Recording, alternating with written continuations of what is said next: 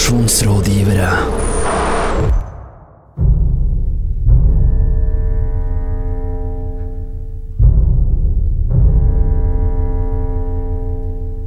Den eh, nyvaskede Teslaen kjørte med skrikende dekk inn i glass- og metallørkenen i Håkon den 7. gate, vrengte opp på fortauet og bråstoppet.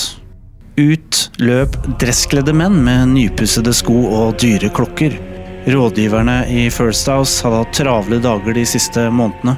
Etter at stjernerådgiveren Tor Mikkel Wara hadde fått plass ved kongens bord som justisminister i april i fjor, hadde sjefen i First House, Per Høiby, beordret sine undersåtter til å få opp faktureringsgraden, men det hadde ikke lyktes særlig godt.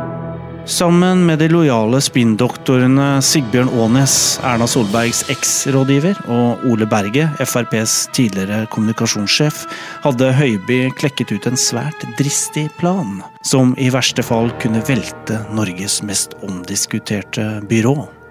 Det er ingen vei utenom, sa Høiby med en alvorlig mine. Vara var utvilsomt byråets største cash cow.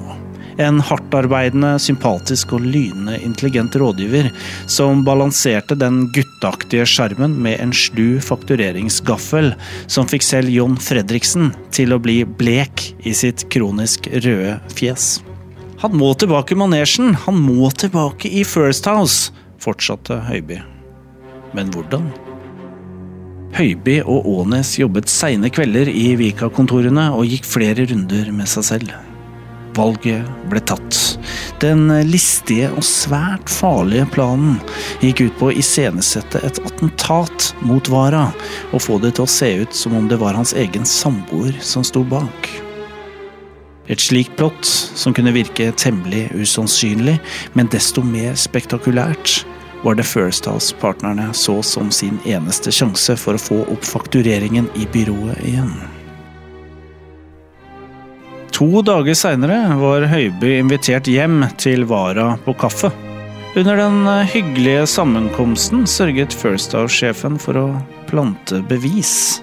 En jerrykanne med bensin i kjelleren, en sprayboks med rødmaling i boden.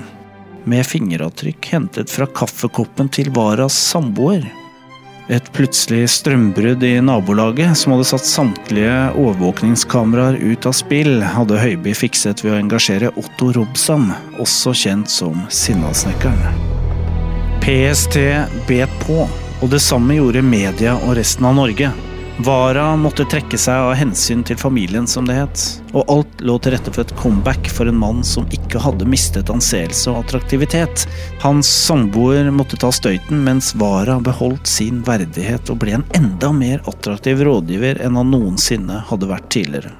First House sine viktigste kunder fikk straks lekket nyheten, diskré så klart, om at en av Erna Solbergs viktigste rådgivere, en mann som visste mye om regjeringens forestående prioriteringer og regjeringsforhandlinger, snart var tilbake der han hørte hjemme. Det var bare ett problem. Etter at nyheten om Vara-skandalen sprakk, hadde Ånes og Berget vært på Lorry og drukket.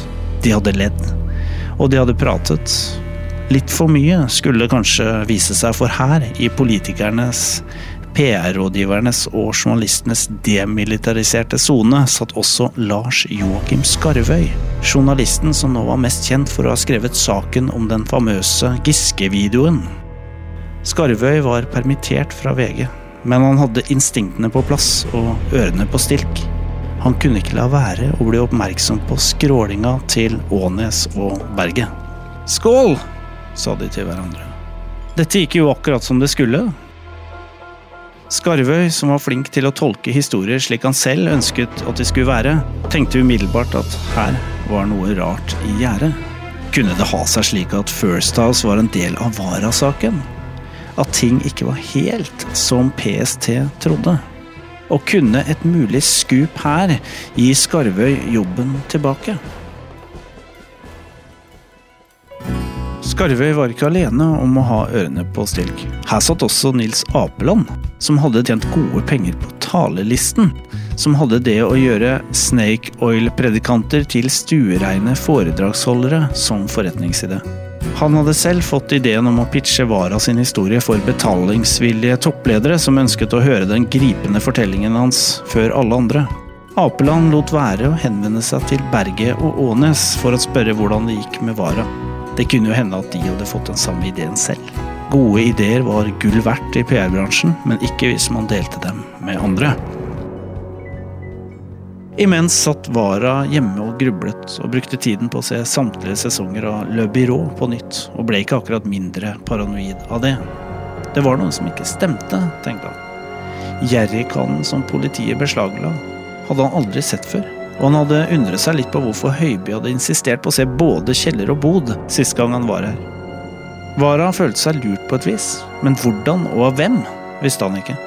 Han ønsket virkelig å gjøre en real og moralsk viktig jobb for Norge, men nå virket det som om hans eneste utvei var å gå tilbake til den godt betalte rådgiverjobben i First House. De var jo dessuten hyggelige folk der nede i Vika, og hadde ringt ham og tilbudt trøst, og til og med tatt ut ferie for å være med ham.